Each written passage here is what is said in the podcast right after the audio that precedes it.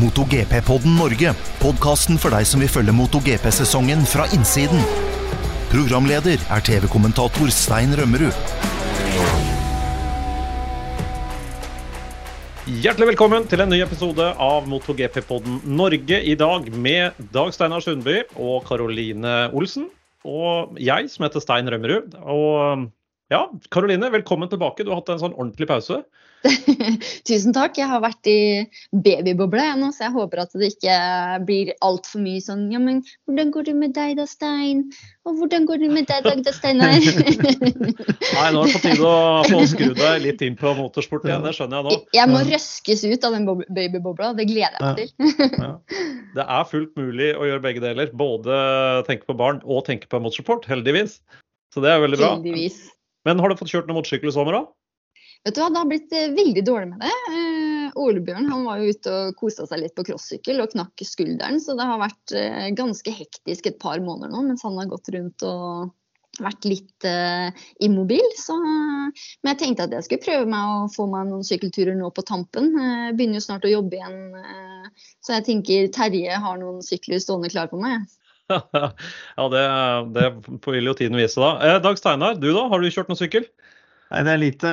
Veldig lite. Det har bare vært litt el-trådsykkel, så det, det, er alt. Så um, jeg bare lufter meg litt grann på, på endurosykkel, men ikke mye. Oh, ja. Men snart. men det er snart. Det er ikke lov. ja, ja, ja, nei, ja, det kommer da. Er i gang nå i Ja, rett etter Misano så er det Mugello, så da skal vi få lufta oss. Opptil flere dager. Jeg har kjørt, jeg kjørt tohjuling i dag, ja. Så det var jo helt vilt uh, og hemningsløst. Det var uh, en Peugeot Kisby 50. Ja. Lettere, lettere, trimmet, som hadde fått motorstopp i Eidsvoll sentrum. Yngstedattera driver og cruiser rundt på den, men jeg måtte jo ned, da. Og jeg hadde jo ikke glemt gamle kunster på kickstart moped, fordi batteriet var flatt. Men han starter jo med kikken, så det var jo fullt øs det, tilbake igjen. Så det var veldig moro. Alltid gøy å kjøre moped. Jeg syns jeg ser det. Da ble du 16, 16, igjen. Da tok du ja, ja. noen turer opp og ned til gullverket for å se hvor fort han gikk ned bakken. Jeg gjorde ikke det, altså. Men jeg hadde litt sånn, fikk litt sånn forhjulsløft over noen fartsdumper nedi her. Hvis du tar i litt, så er det fullt mulig å få opp på hjulet. Så det er sånn du holder deg ung, altså? ja. Med Peugeot Kisby 50. Nei da, men jeg, jeg, har, eh, jeg driver og pakker bager. Jeg skal ut og kjøre um, Multistrada i morgen. Så vi er en gjeng som skal kjøre litt motorsykkeltur nå, så det blir, eh, det blir, veldig bra. Så jeg skal opp til eh, Lom i morgen med Multistrada. Så da er det bare å sette krysskontrollen på fartsgrensa pluss moms, og så er det, blir det en fin tur. Det blir bra. Ta med regntøy. Ja. Er det meldt dårlig? Jeg synes Nei, jeg vet ikke, men jeg syns det regner hele tida nå, uansett hva han har meldt. Så, eh. ja, jeg er mer spent på å se hvilke veier som er åpne og hvilke som er stengt pga. Ja. uværet hans. Men nå skal vi snakke MotoGP, folkens, fordi det er jo race eh, week, rett og slett. Det kommer et nytt VM-løp denne helga, og det er VM-runde nummer ti, tror jeg regner meg fram til. Det er eh, Spielberg, Østerrike eller Red Bull Ring, som det også kalles. da, Og dit så blir det jo Ja, vi har mye å se fram til. Vi skal snakke litt eh, om det etter hvert. Men um, det var jo endelig VM-start igjen etter en lang sommerferiepause da, for uh, 14 dager siden. Da var det Silverstone og England. Og Dag Steinar, du var jo med i den norske kommentatorboksen. Hva sitter du igjen med av høydepunkt fra den helga der? Nei, det er jo uh MotoGP-racet. Og at uh, Aleix Sparger klarte å vinne igjen, da, det var jo ja, Han har jo alltid kjørt bra der. Aprilene funker med. Hadde, ikke, hadde vel ikke tippa at han skulle klare å ta det. Og den måten han gjorde det på, det var jo eh, veldig heftig.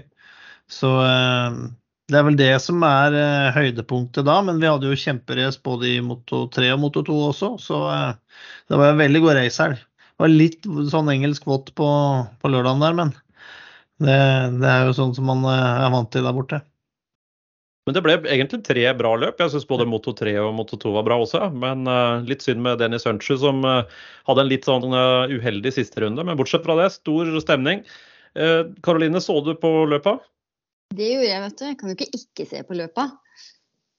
Men det var, eh, jeg syns det var kjempebra løp i alle klassene. altså Moto 3 der var det jo som om det var siste runde i, gjennom hele løpet. Eh, det er jo kanskje noe av det råeste jeg har sett på lenge. Um, Moto 2 var spennende. Og så syns jeg litt grann regn på slutten av løpet på MotoGP var med på å spice det opp litt. Grann. Uh, jeg er enig med Dag Steinar. Aprilia hadde en kjempesterk helg. Uh, samtidig som jeg sitter igjen og syns at uh, Bagnaya gjorde det ekstremt bra. Han var i front og hadde muligens de aller tøffeste forholdene, for det var han som måtte på en måte føle seg litt frem. Hvor mye regner det, hvor mye grep er det, hvor mye skal man pushe? Eh, og jeg syns han navigerte det perfekt. Aleish hadde en knall forbikjøring på siste runde, og jeg syns liksom de egentlig var litt vinnere begge to, da. Mm. Ja, nei, det, er ikke, det, er ikke, ja, det er ikke lett å ligge først der når det er sånne forhold. Du er jo litt prøvekanin. Det er, det er, jo mye enklere å ligge som nummer to og tre da og se litt hva, mm. som, mm. hva som, faktisk skjer. Jeg, jeg, mm. var veldig imponert over det Peko Bagnaya gjorde, for han leda jo hele løpet, så å si, ja. som du var inne på, Karoline.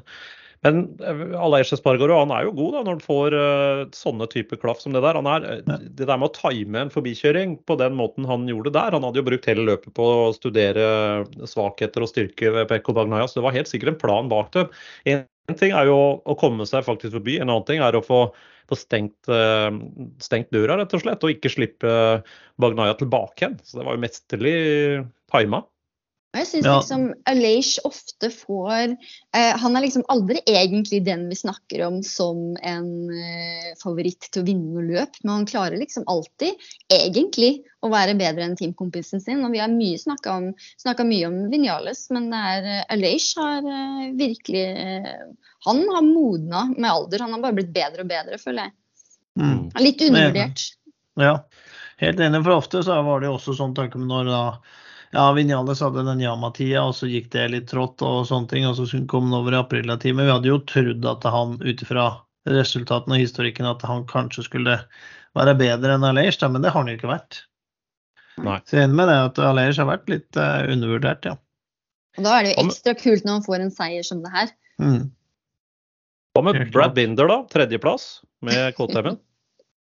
Ja, han ligger jo bak der. Det, det, blir spennende å se utover sesongen. også, hvis de ja, fortsetter å eh, være på det nivået, han klarer å stabilisere seg og sånn. Eh, ja, det blir spennende å se, for det viser jo god han er på søndag. Liksom sånn. Mm. Ja, og han ble jo spurt om, ble jo spurt om eh, hvorfor han er så god på sånt føre.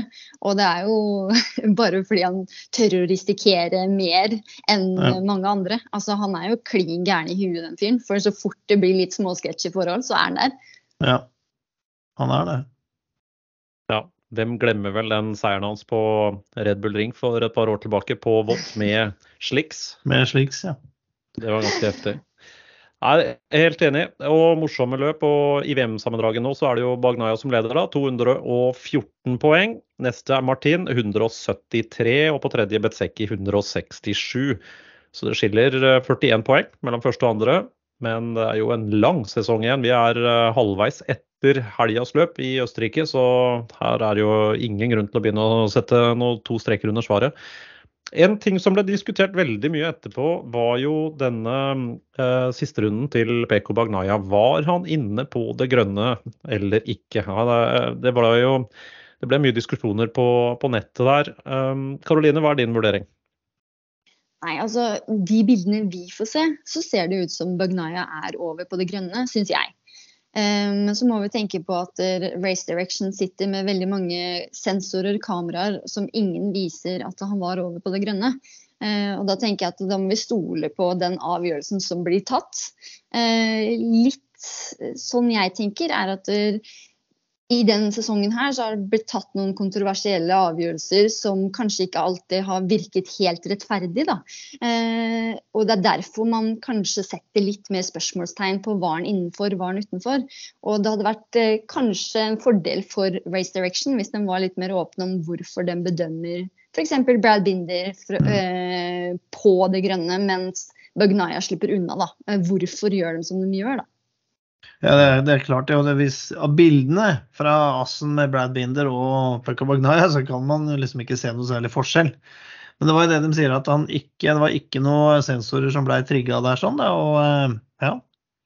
Men jeg er enig med deg at det da hadde vært eh, de kunne hatt en bedre forklaring etterpå og grunnlaget til det. For det er jo som du sier, mange har jo blitt ja, irritert og syns at dette er litt sånn merkelig avgjørelser, da. At det ikke er konsekvente. Mm. Ja, det, det som er er faktum, er- ja. Ja, og, det, og faktum her er jo at man har en sensor som er rett og slett en, en sånn ledning med, med følere som er frest ned i eh, asfalten da, på det grønne der. Og hvis den trigges, det, den trigges ved berøring, så vil da Race Direction få en melding om det. Og så går man inn og ser på CCTV, altså sånne overvåkningskameraer over banen. Det er jo blitt 4K-kvalitet der nå, så det er jo veldig høyoppløst. Så da kan man faktisk zoome inn og gå inn og se eh, i etterkant om dette er reelt eller ikke. Det som vi kan bli litt lurt av på noen av disse kameravinklene, er jo at det, de, den livesendinga som Dorna har, det er ofte kameraer som står lenger unna og kanskje litt høyere opp.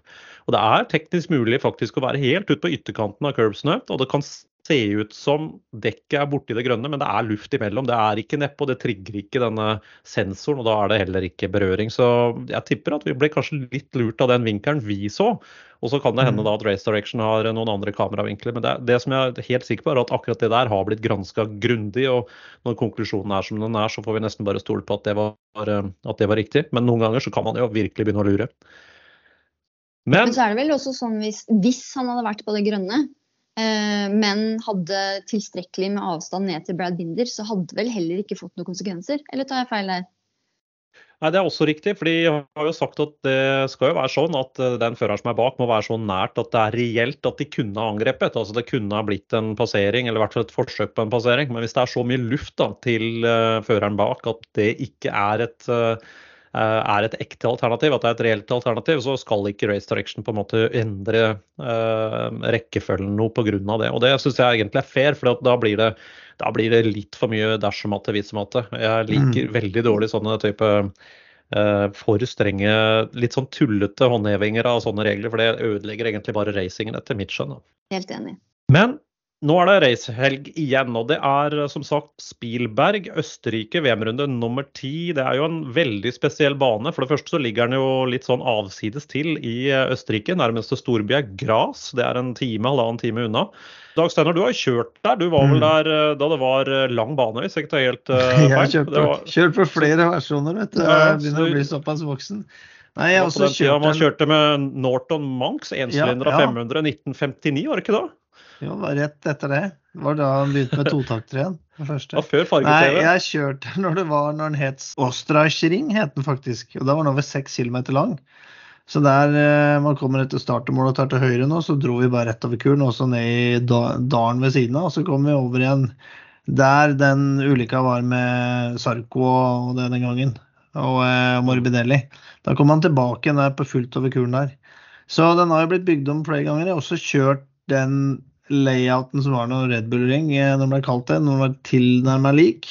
Men nå har de jo lagt inn den Chicano da, for å få ned, få ned hastighetene. Men det er jo veldig stop and go, og det var det da også når det da het A1-ring, heter det da. Før det ble Red Bull-ring igjen. Mm. Så det er jo eh, full gass og full stopp som det var, og så nå har det blitt litt mindre med den Chicana, da.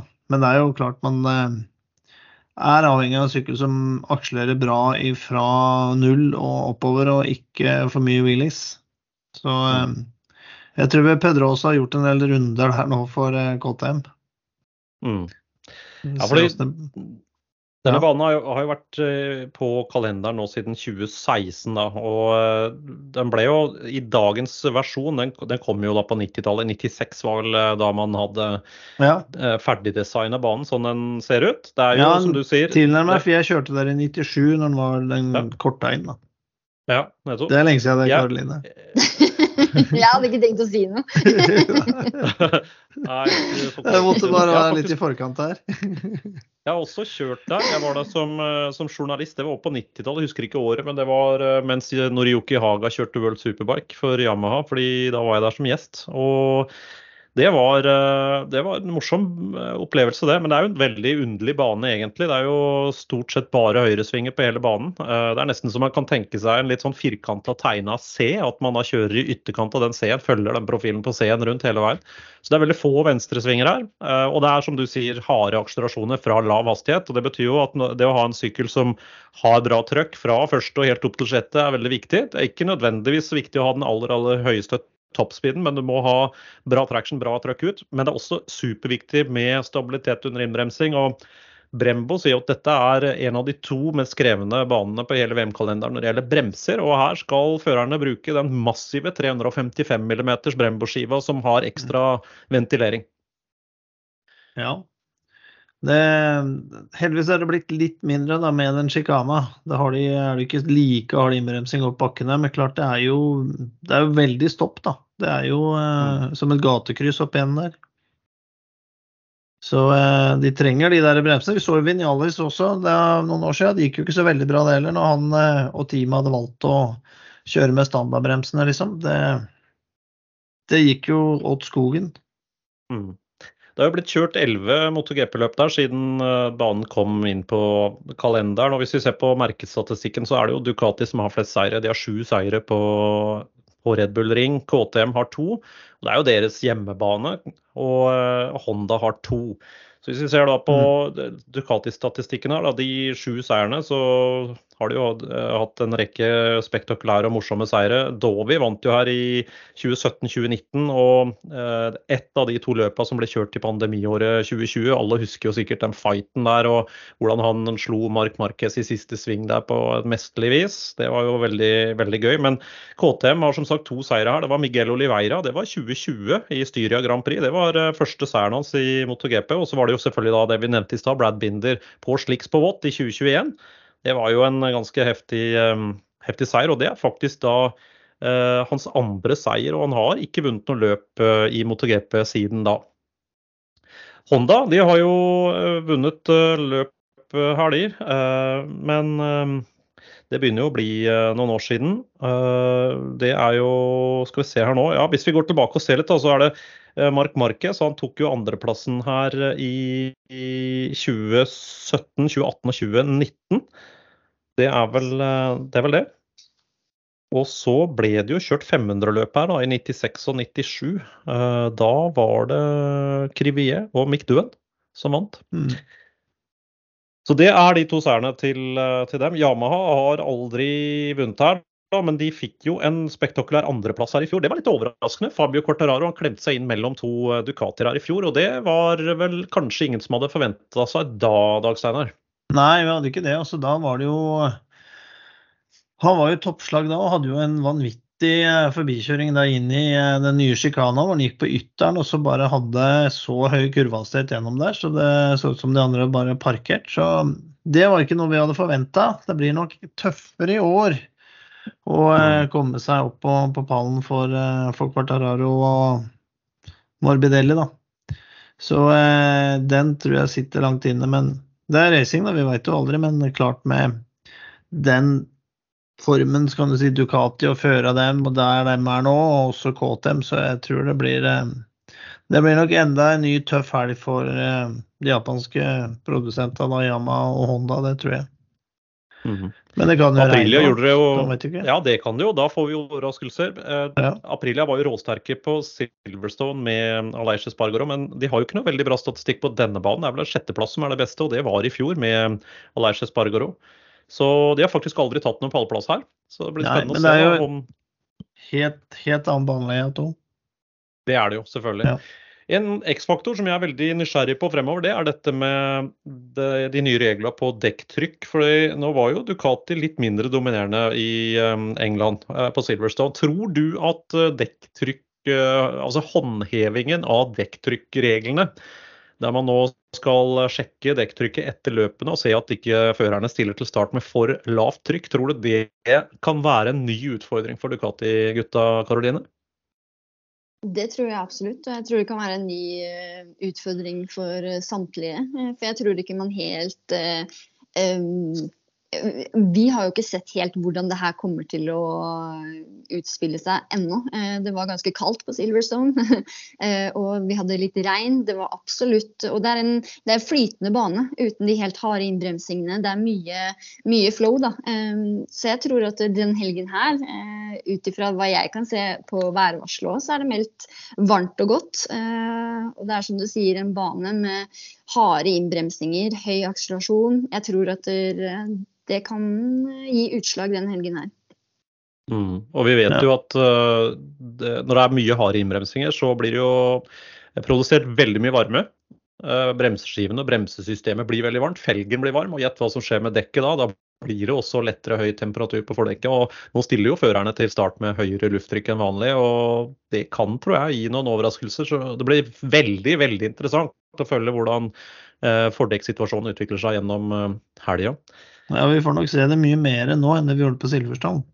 Mm. Det, med layouten, som du sier. At det, ja, det blir spennende å se, altså. De, for vi vet jo særlig Pramak og Sarko, den, de har jo tydeligvis kjørt en del lavere enn det, det de skulle. Sånn det ble sagt litt mellom linjene på pressekonferansen på, på Silverstrand. Så ja, ja, det blir interessant nå.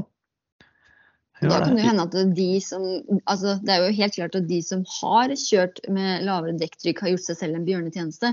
For det Mm. vil jo endre måten sykkelen oppfører seg, eh, oppsett, chassis, alt. Eh, så det blir spennende å se. Jeg tror nok det vil være i mye større grad at vi får informasjon om det nå, i hvert fall. Ja, Mm.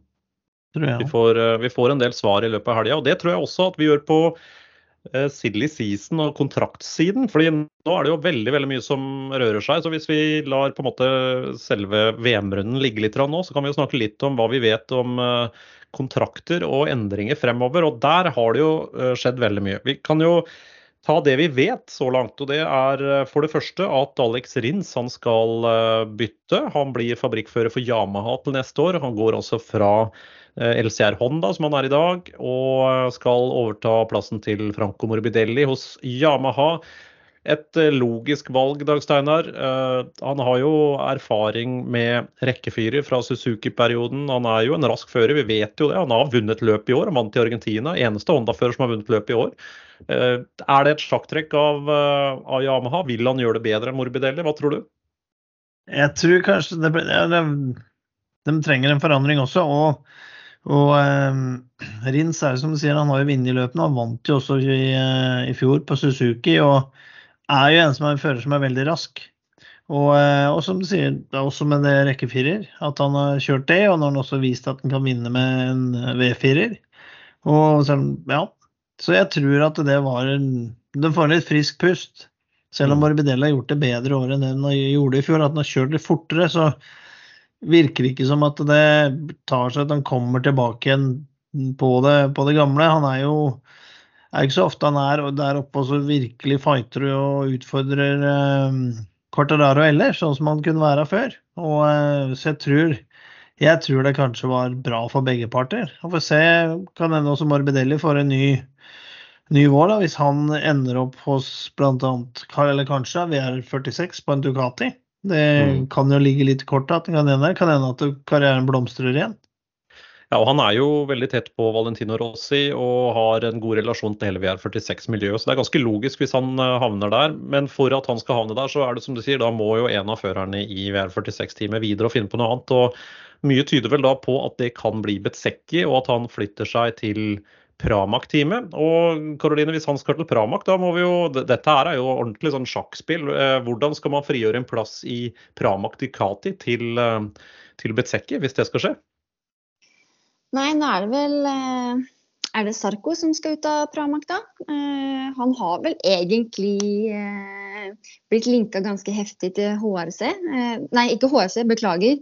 LCR, Honda. Og har vel, har vel egentlig sagt litt i intervjuer at han er åpen. Unnskyld, nå bare tuller jeg her. Nå kødder jeg helt.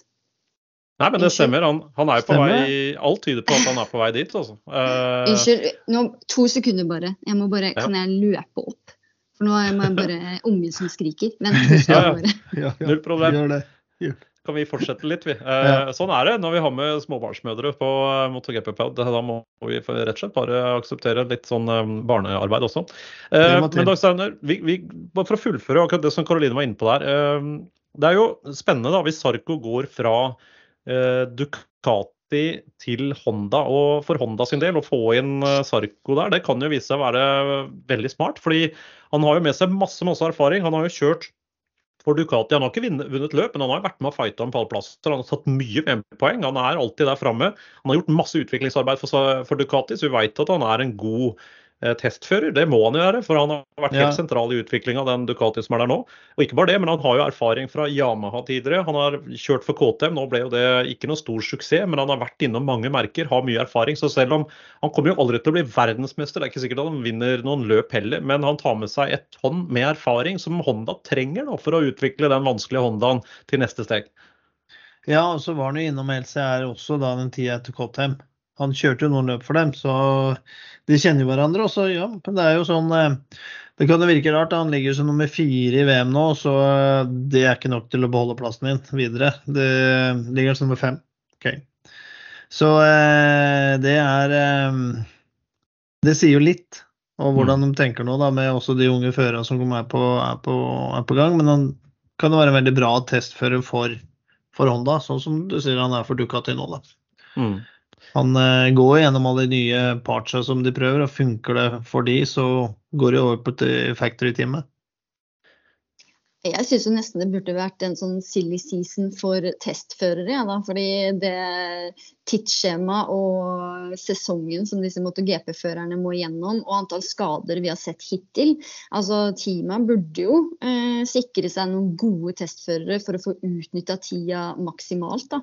Så ser vi nå Honda som har vært ute med skade. Eh, de har jo ingen som har kjørt sykkelen på lenge. Eh, de har jo egentlig bare hatt eh, Mark Marquez, som enn så lenge vel ikke har fullført et uh, race. Altså, de, er, de kan ikke, og antall dager testdager har jo gått ned. Så de kan mm. ikke um, kaste bort gode løpshelger, hvor er den tida de innhenter absolutt best informasjon på um, halvgode førere. Altså, vi, mm. Her må det være også gode førere som kommer inn på testsida. Mm. Kanskje mer enn tidligere, tenker jeg. Jo, det er jo eh, veldig begrensa hva de får testa, og tida og sånn. Og, så det er helt klart at de trenger noen med racetempo, sånn som Koltam har gjort med Pedrosa. Og HRC er jo en, er jo en maskin, altså Honda Racing Corporation. De har jo hatt en enorm suksess opp gjennom årene med en haug med seire i alle klasser. 125, 250, 500 og MotoGP, og selvfølgelig også med CBR 600-motoren i Moto2 i veldig mange år. Så de har jo de har en enorm erfaring, enorm prestisje. De legger masse, masse ressurser i dette. og Det gikk jo en stund eh, litt rykter i eh, paddocken om at Honda kunne være på vei ut, rett og slett pga. at de ikke hadde resultatene. og De slet veldig, og de så den Ducati-dominansen og etter hvert europeiske dominansen begynte å bli mer og mer vanskelig. Men Heldigvis da, så kom det jo et intervju nylig av en, eh, en japansk journalist som heter Akira Nishimura, som har gjort et veldig godt intervju med en uh, japaner som heter Koji Watanabe. Han er sjefen for HRC. Han forteller jo flere veldig viktige ting. Han sier bl.a. at eh, Honda de har tenkt å fortsette i MotoGP. Dette er viktig for dem, og de skal fortsette. De vil sette ressurser, eh, eller legge til rette og, og komme med masse ressurser fremover som gjør at de skal kunne komme tilbake igjen til eh, sin gamle storhetstid. Og en annen interessant nyhet det er at all motorsportsatsing fra Honda. Det er nå bakt inn eller lagt inn under én paraply. Så HRC er ikke bare motorsykler, nå er det også bilracing. Og det ser vi også i Formel 1, så dukker det opp HRC-logoer både her og der. Og det er interessant. Jeg tror at det gjør at det er lettere å flytte kompetanse mellom bil og motorsykkel. Og det kan jo være sånn at de bl.a. da får med seg Formel 1-kompetanse på aerodynamikk, eh, som har blitt så viktig. Eh, inn i, inn i MotoGP. Så jeg er litt sånn optimist for akkurat det der. Vi, eh, vi trenger uh, de japanske merkene for fullt. der. Det er kjipt hvis det blir fullstendig europeisk dominans fremover. Jeg leste også det samme intervjuet, og det, jeg syns det var så flott hvordan han beroliger både Mark Marquez og alle som jobber rundt HRC-prosjektet. At vi er her for å bli, for å bli. Vi kommer til å legge inn de ressurser som, som kreves for å grave oss opp av det hullet her. Eh, og så syns jeg også det var veldig innsiktsfullt å høre om kanskje litt av grunnen til at de havner, har havna såpass bakpå. Da. At de alltid har hatt en tilnærming av at de tar liksom litt steg for steg. Eh, mens Ducati og kanskje til dels eh, Aprilia har vært litt mer eh, hva heter det? Brutal i utviklinga. Altså, de har vært Mhm. litt mer eh, aggressiv, eh, prøvd litt mye nytt. De har ikke nødvendigvis gått gjennom Prøvd litt mer revolusjonerende ting. Da funker det, funker det ikke, istedenfor å hele tida bygge på det man har, som er veldig bra. Men Mm. det er klart at der, eh, nå, er det, nå henger de litt bakpå, eh, og kanskje må endre den måten å tenke på, da. Ja, de må jo sette opp eh, tempo og prøve nye ting og utvikle ting fortere. De kan ikke ta alle de prosessene som de har hatt før, det er det ikke tid til lenger. Og så gå gjennom eh, de forskjellige ja, nivåene og sånt noe innen HRC. da. Og så er det jo gledelig å lese at Yamaha også har eh, gitt lignende signaler. Sjefen for MotoGP-satsinga til Yamaha, Linn Jarvis, er eh, tydelig. Han sier også at Yamaha er fullt uh, forplikta og kommittert til å fortsette sin MotoGP-satsing. Så det er jeg i hvert fall veldig glad for, at de to japanske produsentene gir den type signaler. Da får vi bare håpe at det ikke skjer ting på styrenivå over disse gutta her. Så det kommer uh, overraskelser. For jeg tror også at Suzukis MotoGP-boss var ganske sikre på at de kom til å fortsette helt fram til det plutselig smalt. Men vi kan jo se litt på resten av førermarkedet også, for det er jo mer enn det vi har snakka om nå som er i ferd med å skje. Eh, KTM har jo vært ute nå. De er på jakt etter eh, flere plasser på griden. Og vi vet jo at de har kontakta stort sett alt som kan krype og gå av private team. For de har eh, lyst på å få inn to sykler til. De har fire i dag. To fabrikks-KTM-er og to gassgass-branda Tech 3-sykler.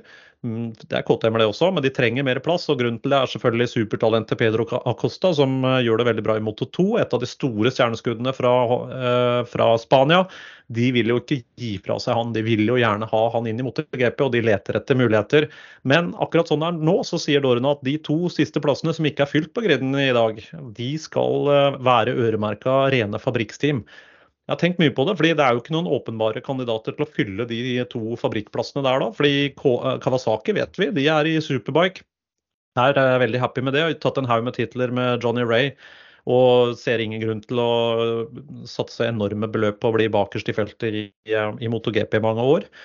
Det samme gjelder jo, eh, tror jeg, eh, eh, Triumph, som har blitt nevnt. BMW har blitt nevnt. Jeg tror ingen av de heller er eh, verken interessert eller kapable nå til å komme med en seriøs fabrikksatsing i, i nærmeste framtid. Så da er jeg litt i tvil om hvorfor Dorna ikke bare kan være litt mer slipphendt og åpne opp og si at OK, greit, hvis KTM vil, så kan de få muligheten nå.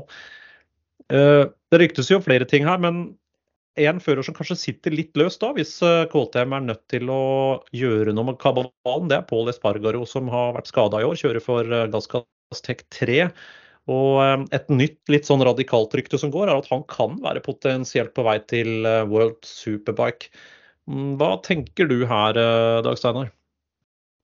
Jeg er enig i at det er jo litt sånn ut ifra han den skaden han fikk, og vært ute mesteparten av sesongen. Vi tror det er mye å si hva han gjør nå de neste racene, se om han finner igjen tempoet. For på Silverstone kunne vi ikke forvente at han eh, var noe der oppe i det hele tatt. og Tilpasse seg å kjøre MotoGP-sykkel igjen etter å ha vært borte så lenge. Og, og så er det også litt med, med alderen. Han har jo gått over 30 år, og eh, hva man ser, ser framover. er klart det her er jo snakk om kroner og øre.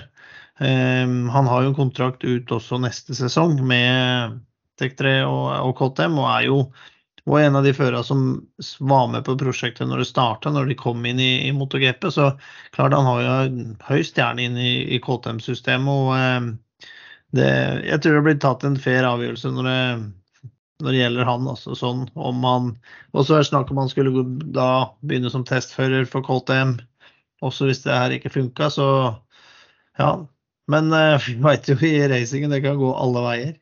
Ja, og han er vel en fyr med mye selvtillit og mye stolthet, så jeg tenker jo Ja. hvis han blir tilbudt en testførerrolle, eh, så er nok det kanskje ikke så interessant for Paul Espargaro. Mulig han da vil se på muligheter i, i Superbike-VM. Det er jo Mm. spennende ting på gang der også. Det ryktes jo at eh, Johnny Ray er på vei fra Kawasaki til Yamaha. At de prøver å lokke han over eh, dit. Og hvis det skulle skje, så er jo Kawasaki helt klart på jakt etter en toppfører. Naturlig da å se mot MotoGP om det er noen Mm. der de kan lokke over.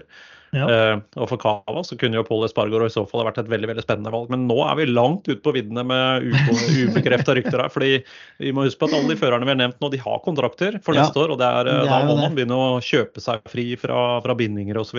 Men det har skjedd Ja. før. Det, det, det, det har jo skjedd flere ganger, så det, det er ikke noe nytt.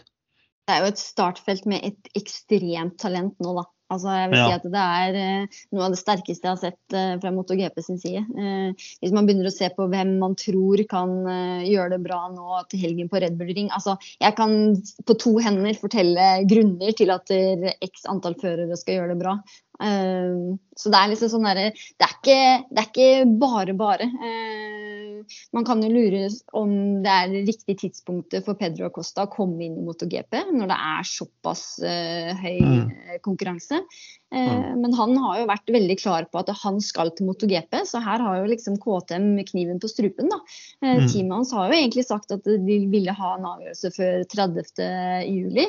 juli. Eh, Så om det kommer noe annonsering nå før helgen når KT er på hjemmebane, det kan vi jo tro. Men hvor lang tid har de egentlig på å vente på å se om Pål Espargro er i form, da? Mm. Det er jo Ja, det er eh, Før de eventuelt De vil jo ikke risikere å miste han til noen andre. Nei, Nei. det er akkurat det. Det er jo et av, de, det er et av de største talentene som vi har sett fra den generasjonen her, med unge spanske førere. Så at KTM vil strekke seg langt for å prøve å beholde han, det tror jeg. fordi han har jo høy eh, markedsverdi. Det er lett å tenke seg at det er eh, andre team som vil prøve seg, prøve å lokke han over. Og det er flere som har bruk for en toppfører som Pedro Acosta med tanke på framtida. Så han har høy markedsverdi, KTM vil strekke seg. Jeg tror også at vi får noen nyheter ganske snart. Og jeg eh, setter ikke penger på at Paul Espargaro er MotoGP-fører til neste år. En annen fører som eh, er litt i risikosonen akkurat nå, det er Fabio Di Gianantonio for Gressini Ducati. Det snakkes jo om at han også skal ut, og det kan være flere navn som er aktuelle der. Et navn som er nevnt, er selvfølgelig Tiger Tony i Moto 2. Tony Arbolino, som er veldig rask. Han er en eh, kar med relativt høyt tenningsnivå, og han har en kompetent manager i eh, Carlo Pernat, som jo kan alle triksene som er i boka, og noen triks til for å få sine førere inn på gode kontrakter. Hva tror du, Dag Steinar, er eh, Tony Arbolino på griden i 2024? Han, jeg tror han ligger bra an sånn, da, men da er det Gresini. At eh, han kan være på vei inn, eh, inn dit. Men det kommer jo litt an på hva som skjer ellers, og da er det jo litt sånn føljetong av det vi snakka om i, i stad. Eh, Gian Antonio er, sies jo er på vei tilbake igjen til Moto 2. At han får ikke fornya tillit, og da er det jo et sete ledig der sånn. og eh, og da hvis de gjør den der eh, delen av med Sarko til, eh, til HRC eller til LCR, og, og, og da kommer da Betsecki opp i Pramak, og stor sjanse da Morbidelli til VR46. Så ja, da er det det er også muligheter hos Kresini. Sånn. Det er det. Så det blir gøy å se. En annen fører som også har blitt nevnt eh, til MotoGP etter hvert, er jo den japanske Moto 2-føreren Ayo Gura. Han har uttalt nettopp at han er ikke klar. Han har lyst til å fortsette å kjempe om tittelen i Moto 2. Og det tror jeg er litt taktisk også, fordi han må tenke på sin egen markedsverdi. Hvis han kommer inn i 2024 på en eh, Honda som ikke er konkurransekraftig, så er jo det ingen god merkevarebygging. Kanskje det er smart å vente litt. Ja, jeg tror det er det sånn, det er, sånn som det er nå. Så, og så har han ikke Han har jo vært ute med skade også, så han har, er jo ikke den formen som han var i fjor. Han lå jo og var fighta om tittelen i fjor, han er ikke der ennå. Sånn, så eh, nå er det jo Acosta som kan se ut som er den sterkeste i den klassen nå, og Gura fikk jo hele forsesongen ødelagt pga. skader, så kan hende han vil se det sånn at OK, en sesong til er bra, og med mulighet til eh, tittelen i Moto 2 da, før man tar steget opp. Og så får de også se hva som skjer med Nakagami, og hva han presterer. Men det vil nok ikke bli noe store forandringer der med, med Nakagami. Han har jo holdt det samme nivået i, i mange sesonger nå, så jeg tror ikke det skjer noe revolusjonerende der. Nei, det tror jeg du har helt rett i. Det er jo en del andre nyheter for tiden også. Vi har bl.a. nettopp fått vite at Pirelli skal overta Moto 2 og Moto 3, og da Dunlop skal ut. Det skjer fra og med 2024. Det blir morsomt å følge. Eh, andre nyheter er selvfølgelig at vi får et par spennende wildcards utover i sesongen. Cal Crutchlow skal stille på en eh, tredje Yamaha. Det skjer vel i Japan Grand Prix, sånn jeg fikk med meg. En veldig lekkert branda Yamaha. Mm. Og Yamaha jobber jo beinhardt nå for å prøve å få et uh, satellitteam. De uh, har som sagt samtaler med VR46, men de har også andre planer og jobber knallhardt for å prøve å få på plass fire sykler fra 2025. Ellers så er det Alvaro Bautista på en wildcard også. Var det i Sepang, tror? Jeg husker ikke helt i farten. Ja, stemmer det. Det er jo veldig gøy. Um, Det blir spennende, tror jeg. Jeg tror Så- han kommer til å levere bra. Han har jo hatt noen par tester på den sykkelen nå og Ja. gjort det skapelig. Ja, så kjørte fort på Misano på test to. Pluss at det er jo eh, Sepang er jo to uker etter eh, VM-finalen, så han har jo, kan jo Mm. ha lave skuldre og trenger ikke Ja, ja. tenke ja. noen ting på noe som helst annet. Nei. Han uttalte at han ser det som en bonus, og det Ja. skjønner jeg jo. Ja, og Det er jo den tredje siste VM-runden i år, så det går jo ut i oktober. Det gleder vi oss skikkelig til. Eh, ellers så hadde jo Thomas snappa opp nå. Nå er ikke Thomas med i den sendinga her, eh, men han eh, hadde fått med seg at japanske NTS, som bygger chassiser, de jobber med en satsing og har lyst til å prøve å komme tilbake igjen til Moto 2 og gjøre noe med denne totale Calex-dominansen. Det syns jeg er veldig bra, fordi vi har jo sett i år hvordan Bosco Cuscoro har gjort det i Moto 2. De Mm. er konkurransedyktige, særlig på de litt raskere banene. og det å få inn flere chassisprodusenter der, det gjør absolutt ingenting. Nei, det er bare positivt. Og da, jeg tror som du sier at de også andre chassisprodusenter ser etter Boscoscoro, selv om de bare har to sykler i, i eh, klassen, at de, de får det til og de kan vinne race, sånn som de gjorde nå. og Det, det gjør nok at de prøver å komme tilbake. Nå NTS skulle vel jobbe eller noe satsing sammen med Pons, var det ikke det? Jo, det var det det. vi hørte. Mm. Men Dette er vel også relativt ubekrefta rykter, men jeg legger merke til at når Thomas først kommer med noe sånt, så pleier det å være bra hold i det. Han har gode kilder, den karen. Han har det. Det er eh, rett ifra teamet der nede, så det, det, er, er nok noe på gang der, ja. Det blir eh, også interessant å følge. Så det er masse som eh, skjer fremover. Vi har vært gjennom en hel haug med ting nå, både hva som skjedde på Silverstone, litt om eh, hva vi kan forvente oss eh, til helga på Spielberg, og mye annet nytt. Som de fleste sikkert fikk med seg i forrige VM-runde på Silverstone, så er det også litt nytt når det gjelder tidsplanen hver helg. Nå er det jo sånn da, i MotoGP-klassen at den første frie treninga på fredag den teller ikke, med tanke på hvem som skal kjøre i kval 1 eller kval 2 på lørdag. Dette er en ren test, og det gjør jo at førerne får mer tid til, og litt mer ro til å jobbe med oppsettet foran løpshelga. Men det var også en liten endring der, Karoline, når det gjelder eh, dersom den første treningen, eller man ikke får kjørt alt på fredag. Ja, for er jo, nå er det jo bare ett pass den ene timen på fredag ettermiddag som er eh, avgjørende for om du kommer direkte i Q1 eller om du må gjennom eh, Q2.